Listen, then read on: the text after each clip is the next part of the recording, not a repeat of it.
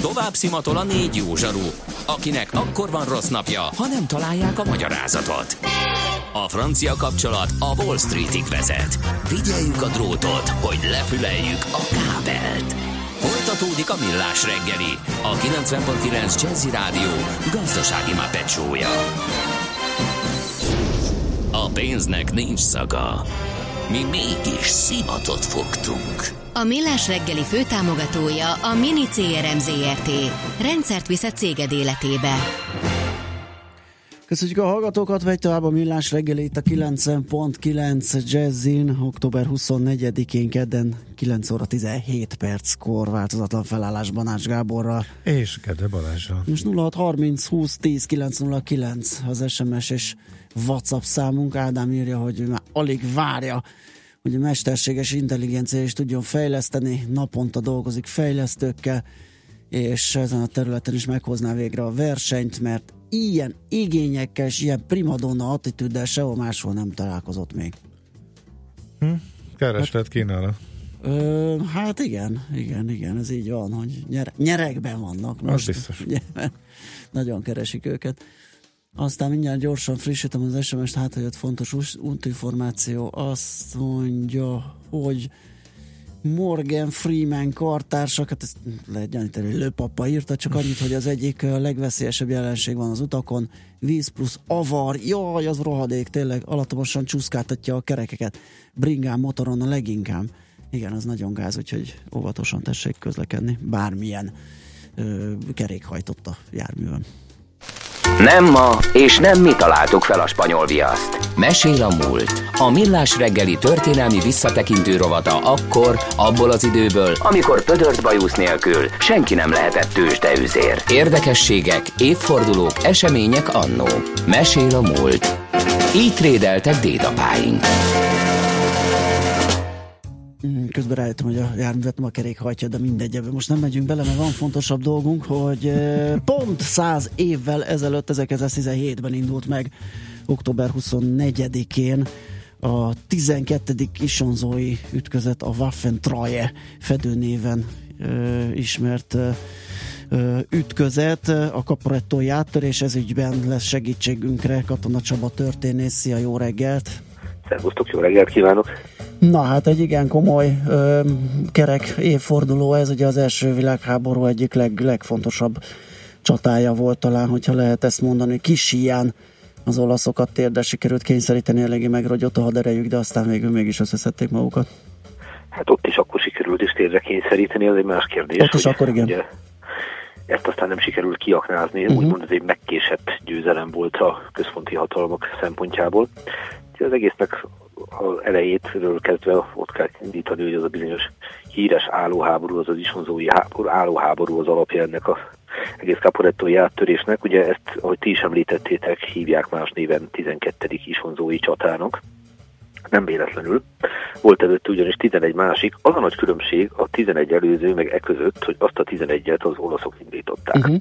Tehát ők próbálták meg Luigi Cadornával az élem áttörni a osztrák-magyar monarchia csapatainak az állásait. Ez minden alkalommal hát kudarcot vallott, ami én jó részt annak köszönhető, hogy volt egy katonai zseni a másik oldalon, bizonyos Svetozár Brojevics von Bojna, isfonzó oroszlánja, ahogy nevezték, ő volt a monarchia első nem német származású felmarsalja, ki a védekező taktikának és stratégiának a zsenie volt, és minden alkalommal visszaverte ezt a támadást és 1917 őszére érett meg a helyzet arra, hogy a monarchia ellentámadással próbálkozzon. Ennek részben annak köszönhető, hogy a orosz fronton felszabadultak erők, hiszen összeomlott a Kerenszki offenzíva, majd ugye eljutunk a nagy októberi szocialista forradalomnak nevezett eseményekig, valamivel később. Románia pedig, amely aztán szintén valamivel később kapitulál, magára marad ilyen értelemben keleten, tehát át lehet csoportosítani alakulatokat ide. Ráadásul még az a döntés is megszületik Arthur Hans von Straussenburg tábornok révén, monarchia új vezérkari főnök egyébként egy nagyszebeni születésű százról uh-huh. beszélünk, hogy hát német segítséget kérnek. Ezt az uralkodó negyedik Károly nem szeretné, de azért sikerül őt meggyőzni. És Otto von Beló porosz gyalogsági tábornokkal az élen átcsoportosítják a 14. német hadsereget ide Caporettóhoz. Méghozzá oly módon, hogy meglehetősen rejtve hozzák át a német szövetségeseket, és még azt a trükköt is bevetik, hogy osztrák-magyar egyenruhát húznak rájuk.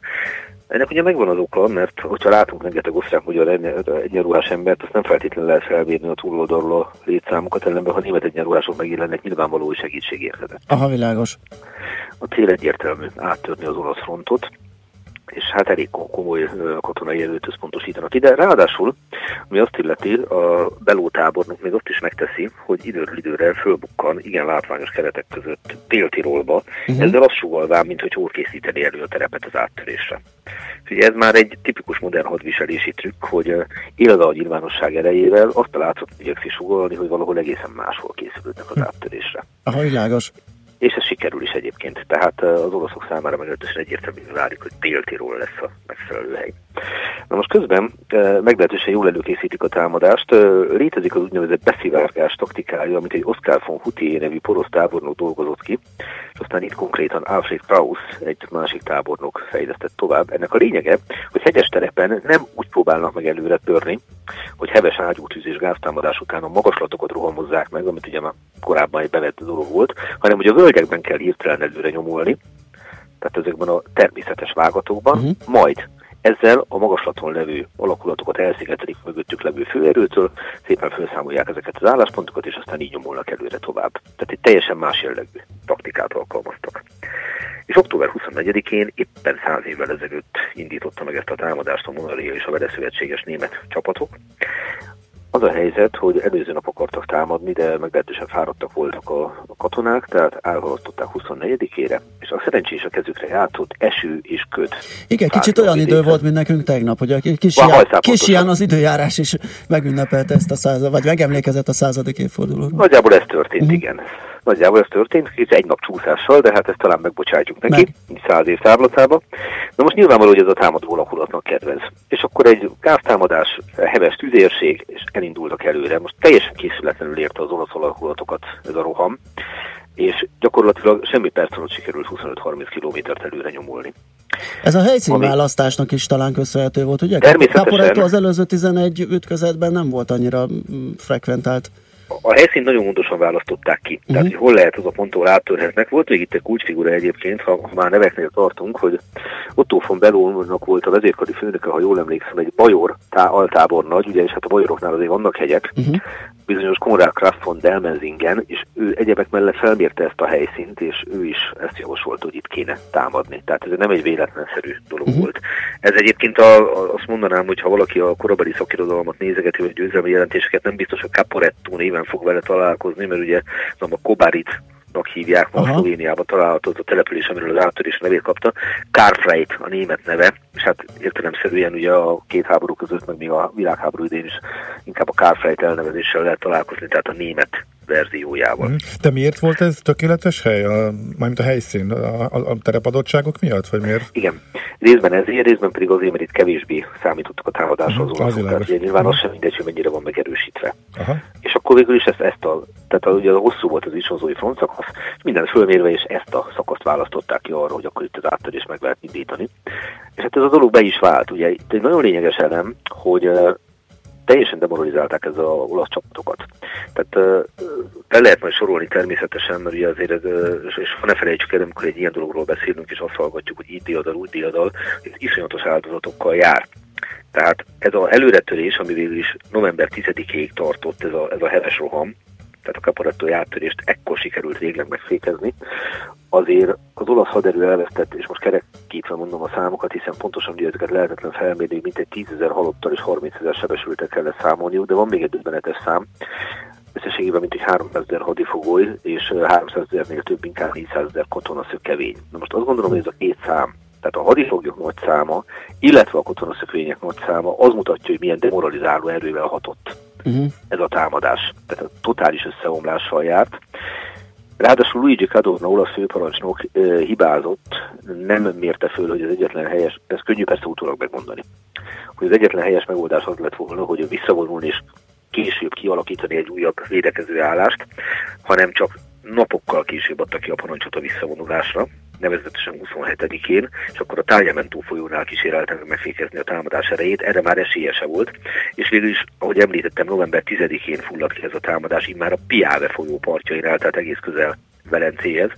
Addigra Luigi Cadorna főparancsnokot leváltották, vagy leköszönt, és a helyét a egyébként spanyol családból származó nápolyi Armando Díaz tábornok foglalta el, aki egy jóval sikeresebb katonának bizonyult, és hozzá kell persze azt is tenni, hogy nagyon erős Anton szövetségi támogatást kapott angol, illetve francia oldalról. Érdemes megnézni a korabeli monarchiabeli lapokat, hogy hogyan gúnyolják az olaszokat a vereségek miatt. De lényeg az, hogy mire a november 10-i kifulladás után pár nappal ismét támadásba lendültek a központi hatalmak csapatai, addigra már az úgynevezett első piávei csatában Armando Diazzal az élen és a, a Antan csapatok támadásával sikerült viszonylag hamar megfékezni ezt a támadást. December 2-án, 1917. december 2-án leállították a további előrenyomulást, de addigra már lényegében Velence környéke, tehát Venétó tartomány a monarchia csapatainak a kezére került, alig 100 kilométerre voltak Velencétől. Na most ez az áttörés lélektani hatását tekintve a hátországban nagyon nagy duranás volt, hogy úgy mondjam, hiszen gondoljunk bele, hogy 11 korábbi isonzói csata, amikor az oroszok támadtak, azt sikerült visszaverni. Itt viszont az első támadó jellegű fellépéssel sikerült áttörni az orosz frontot, tehát rendkívül látványos és katonai rendkívül értékes győzelemről beszélünk. Az egy másik dolog, hogy 1917 őszén úgymond ez már egy megkésett diadal mm. volt, és hát, mint tudjuk, egy évvel később, alig egy évvel később, november 3-án került a padovai fegyverszünetre, a monarchia lényegében kiszállt az első világháborúból vesztes filaként. Egy apró érdekességet szeretnék még itt megemlíteni, hogy harcolt Caporettónál nagyon fiatalon, 19 évesen egy Bertrand Árpád nevű hadnagy, aki, aki 15 fős rohamcsapat érén három olasz állás számolt föl, ami az igazi érdekessége, hogy ezzel a 15 emberével állítólag több száz foglyot ejtett. Az igen. Hm. Na most, hogyha ezt összerakjuk, ez egy módon lehetséges, megint arra utalnék vissza, hogy az ellenfélnek a teljesen demoralizált volt amikor tömegével adják meg magukat a katonák. Uh-huh. Volt még Egyébként egy... Bertalan Árpád lett a magyar ejtőernyezés legendás figurája uh-huh. később. És volt még egy később ismerté vált figura itt, akit Erwin Rommelnek hívtak, ugye? Erwin Rommel, így igen, van, igen. A, későbbi sivatagi róka, uh-huh. ő a Württembergi hegyi zászló egy harccsoportjával küzdött itt fiatal főhadnagyként, és meg is kapta a legmagasabb, tehát a második nagy frigyes porosz király által 1740-ben alapított legmagasabb német katonai kitüntetést, a Purle Medité érdemrendet, tehát ő kvázi itt mutatkozott be a nemzetközi porodnon, mint katona. Uh-huh. És hát tudjuk, hogy a többit, a többit ismerjük a második világháborúval. Oké, okay. Hát köszönjük szépen! Így van, Caporetto valójában legendává vált itt, és ne felejtsük el a hemingway se, aki ugye szintén írt ezekről a dolgokról, úgyhogy úgy alakult, hogy pont száz évvel később tudtunk erről megemlékezni. Köszönöm, hogy ez ügybe hívtatok. Hát mi köszönjük, hogy beszélgettünk róla. Szuper volt megint. Szép napot neked. Szia Csaba. Köszönjük szépen a hívást, szervusztok. Hm. Katona Csaba történésszel beszélgettünk a száz évvel ezelőtt megindult Caporettói áttörésről. Megyünk tovább. Mesél a múlt rovatunk hangzott el. Kövesd a múlt gazdasági és tőzsdei eseményeit hétfő reggelenként a Millás reggeliben.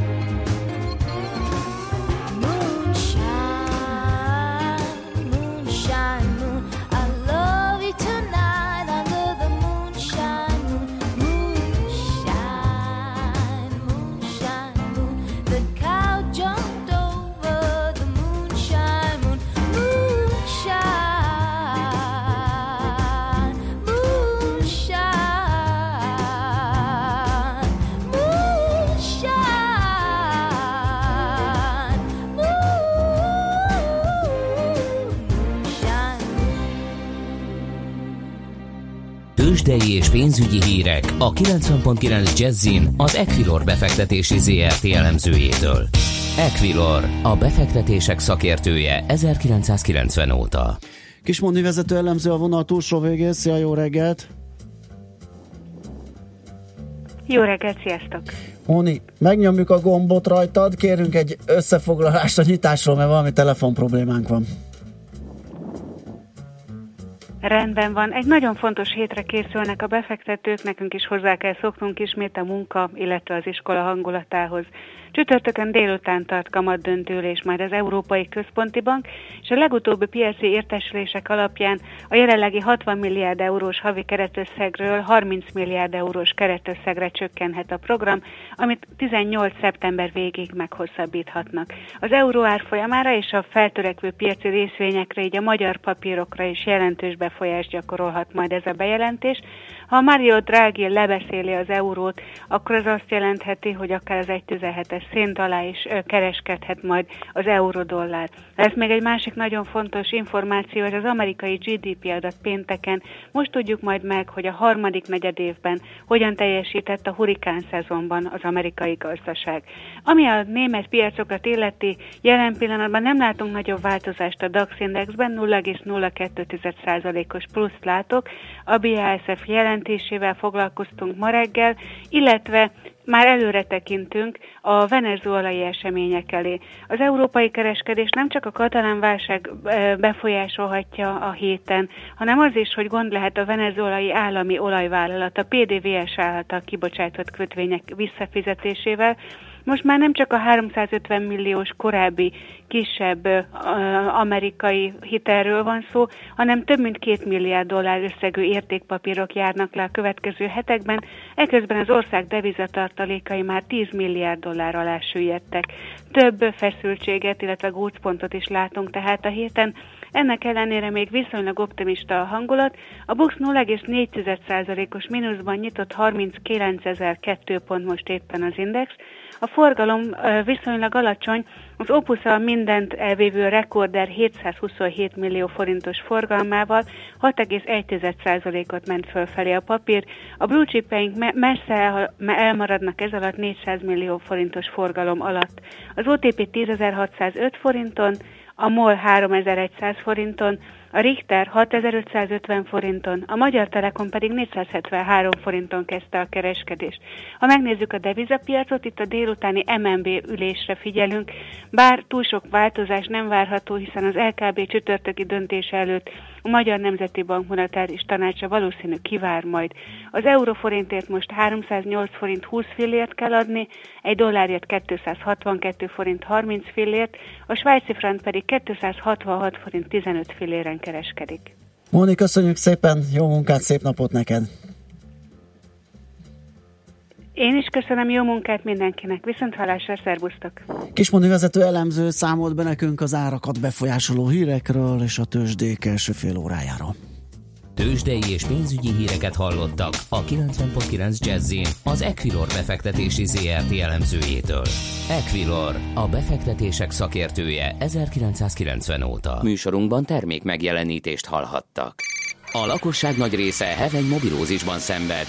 A statisztikák szerint egyre terjednek az okostelefonok. A magyarok 70%-a már ilyet használ. Mobilózis. A millás reggeli mobilos rovata heti dózisokban hallható minden szerdán 3.49-től. Hogy le nem erőj. A rovat támogatója a Bravofon Kft. A mobil nagyker. Rövid hírek a 90.9 Jazzin. Napos, de szeles időnk lesz ma eső nélkül. Jó reggelt kívánok a mikrofonnál, Schmidt Andi. Nem kell többé kikódoltatnunk a mobiljainkat mától, ugyanis ingyenesé vált a mobiltelefonok függetlenítése. Mostantól tehát a hűségidő után bárki bármilyen szolgáltatónál használhatja majd a készülékét. Ha az ügyfélnek lejár a szerződése, akkor a szolgáltatónak kötelessége lesz függetleníteni a telefont térítésmentesen drágulást várnak a kötelező díjaiban. Az autósok átlagos díja 20 ezer forint körül várható, ez 10-15 százalékos díjnövekedést jelent. Szakértők szerint nagyjából 90 ezeren válthatnak biztosítót az évvégi kampányban, ami jövő csütörtökön indul. Az autósok egyharmadának továbbra is ekkora esik a kötvény évfordulója. Újabb két nemzetközi filmfesztiválon díjazták Török Ferenc legutóbbi rendezését. Az 1945 ezúttal a Bécsi Zsidó Filmfesztivál közönség díját nyerte el. A belgiumi Waterloo-ban pedig a kritikusok zsűrie a legjobb film díjával méltatta a magyar alkotást, amely korábban hét seregszemlén kapott különböző elismeréseket. Romániában megszavazta a szenátus a nem magyar nemzeti kisebbségi frakció törvénykezdeményezését, amely nemzeti ünnepé nyilvánítaná december 18-át, a Nemzeti Kisebbségek napját. A bukaresti felsőház egy hete visszaküldte a szakbizottsághoz azt a törvényjavaslatot, amely hivatalos ünnepnappá nyilvánítaná március 15-ét a romániai magyarok számára. A Helsinki reptér a legjobb Európában. A Sleeping in Airports repülőterekkel foglalkozó portál a látogatók véleménye alapján állította össze a listát. Az utasoknak a kényelem, az étkezési lehetőségek, a biztonság, a tisztaság, a tájékozottság, az ügyfélszolgálat szempontjából kellett értékelniük a légi kikötőket. Európában tehát a Helsinki reptér bizonyult a legjobbnak, mely az utazók szerint tiszta, és egy kis luxust is kínál az odaérkezőknek. A Liszt Ferenc nemzetközi repülőtér épp csak kicsúszva a top 10-ből a 14. helyen végzett. A szavazók szerint Európa legrosszabb repülőtere a görög Heraklioni. Napos, de szeles lesz az idő, szinte mindenütt kisüt a nap, napközben már sehol sem fog esni a szél, viszont főleg a Dunántúlon viharos lesz. Délután 10-15 fok várható, késő estére 3 és 10 fok közé hűl a levegő. A hírszerkesztő Schmidt hallották. Friss hírek legközelebb, fél óra múlva. Budapest legfrissebb közlekedési hírei, itt a 90.9 jazz jó reggelt kívánok! A fővárosban a Szabadsághídon véget ért a helyszínelés, megszűnt a forgalmi akadály, mindkét irányban zavartalanul lehet haladni. Szintén befejezték a helyszínelést a 16. kerületben, a Mátyás Király utcában, a Hermina út közelében is. A Dózsa György úton a Hősök terénél azonban változatlanul sárgán villognak a jelzőlámpák, fennakadásra kell készülni, a forgalmat rendőrök irányítják. A budai alsórakparton a Zsigmond térvonalától délfelé, a pesti alsórakparton pedig a Dráva utcától ugyancsak déli irányban egy egybefüggő a sor, telített a Könyves Kálmán körút, a nagyobb csomópontok előtt mindkét irányban, szintén erős a Soroksári út és Csepelen a második Rákóczi Ferenc út forgalma. Az M1-es M7-es közös bevezető szakaszán és a folytatásban a Budaörsi úton is lassú az előrejutás, a Hűvösvölgyi úton és a Budakeszi úton a Szilágyi Erzsébet fasor előtt. Egybefüggő a sor. Varga Etele, BKK Info. A hírek után már is folytatódik a millás reggeli. Itt a 90.9 jazz Következő műsorunkban termék megjelenítést hallhatnak.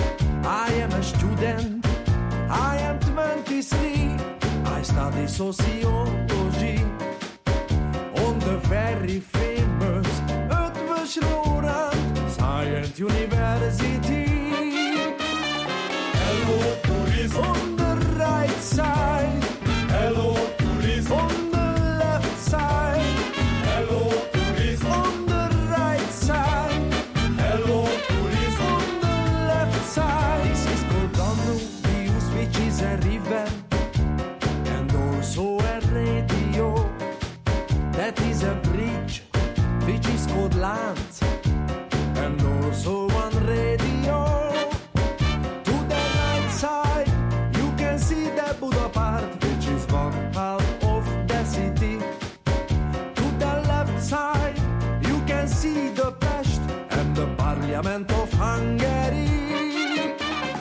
Hello, tourism.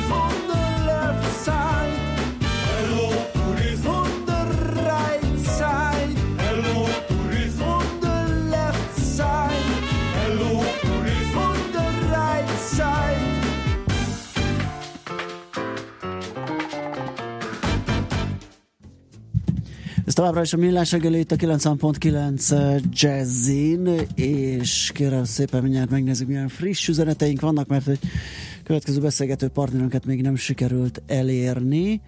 Azt mondja, hogy ö, mindjárt, mert itt is van egy kis lassulás.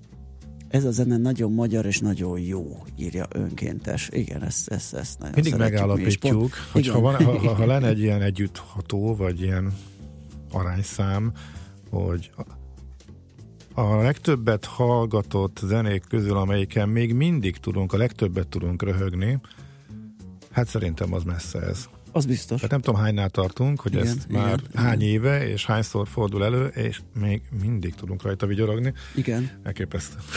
Teli találat, zseniális, igen. Aztán...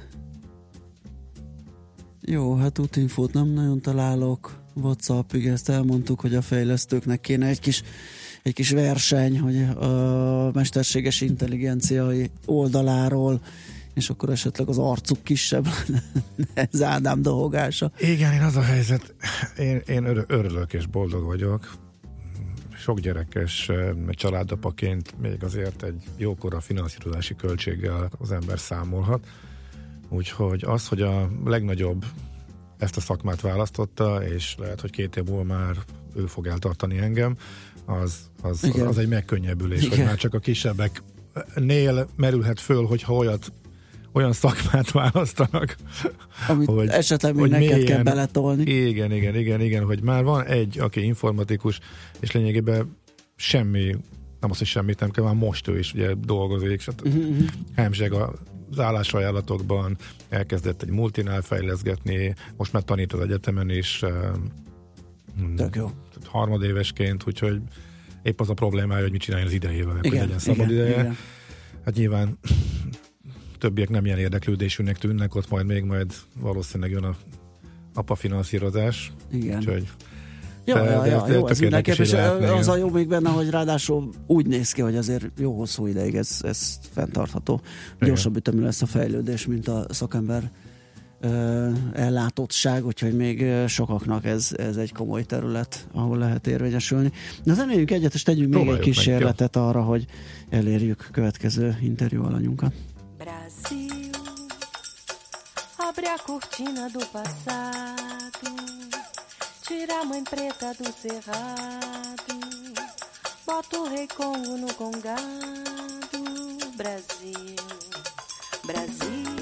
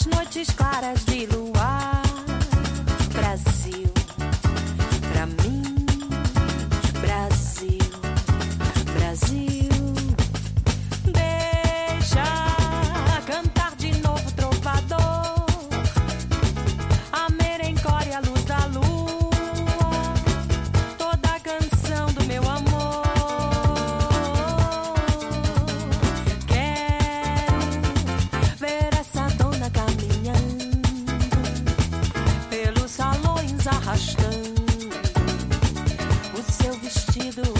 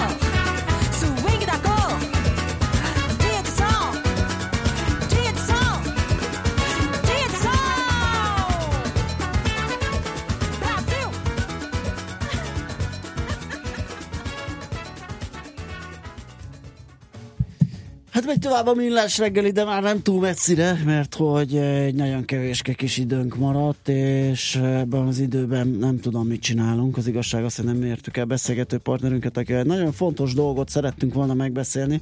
Ruszin Zsoltot ö, kergettük, a Magyar Könyvelők Országos Egyesületének alelnökét, hogy arról beszélgessünk, hogy mégis ö, hogyan lehetséges ez, vagy mennyire, mennyire mm, találkozik az ő elképzelésükkel az, hogy a határon meg lehessen állítani valakit, akinek adótartozása van, és uh, akár ott helyben a csomagjaiból foglalni.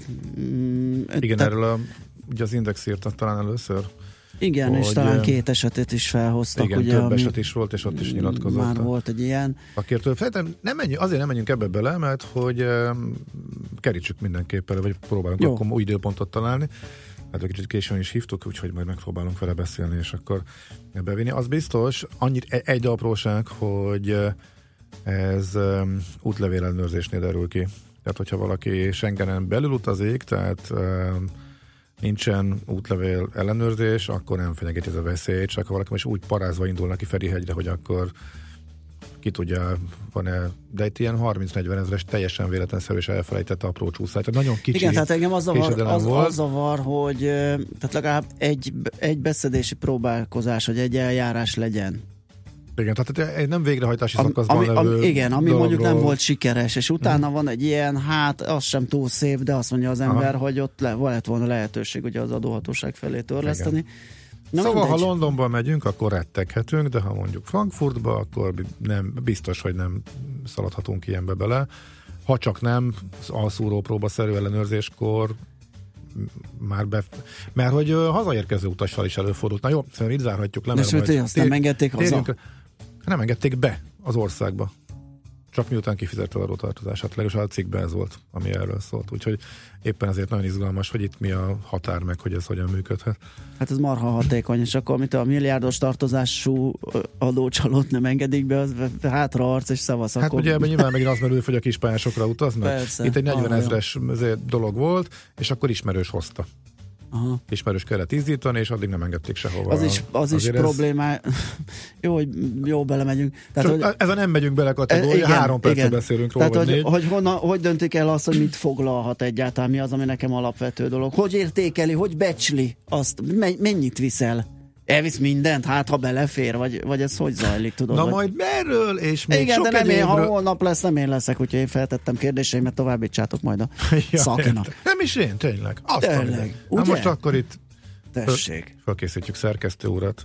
Igen, Szerintem ez direkt csinálta. Biztos, ez így be, biztos. belengedte előttünk a mézes madzagot, és holnap ő lesz. igen, és majd ők szakértenek. Na várjál, Maci, ezért, ezért még számolunk. Igen. ez, Bon dia, nagyon millás a mai zene felhozatal. Grat írja. HP. mi, micsoda, ezt nem értettem. Milyen? Nagyon millás. Nagyon millás. Mi, lehetne úgy is írni, hogy millásos. Millásos.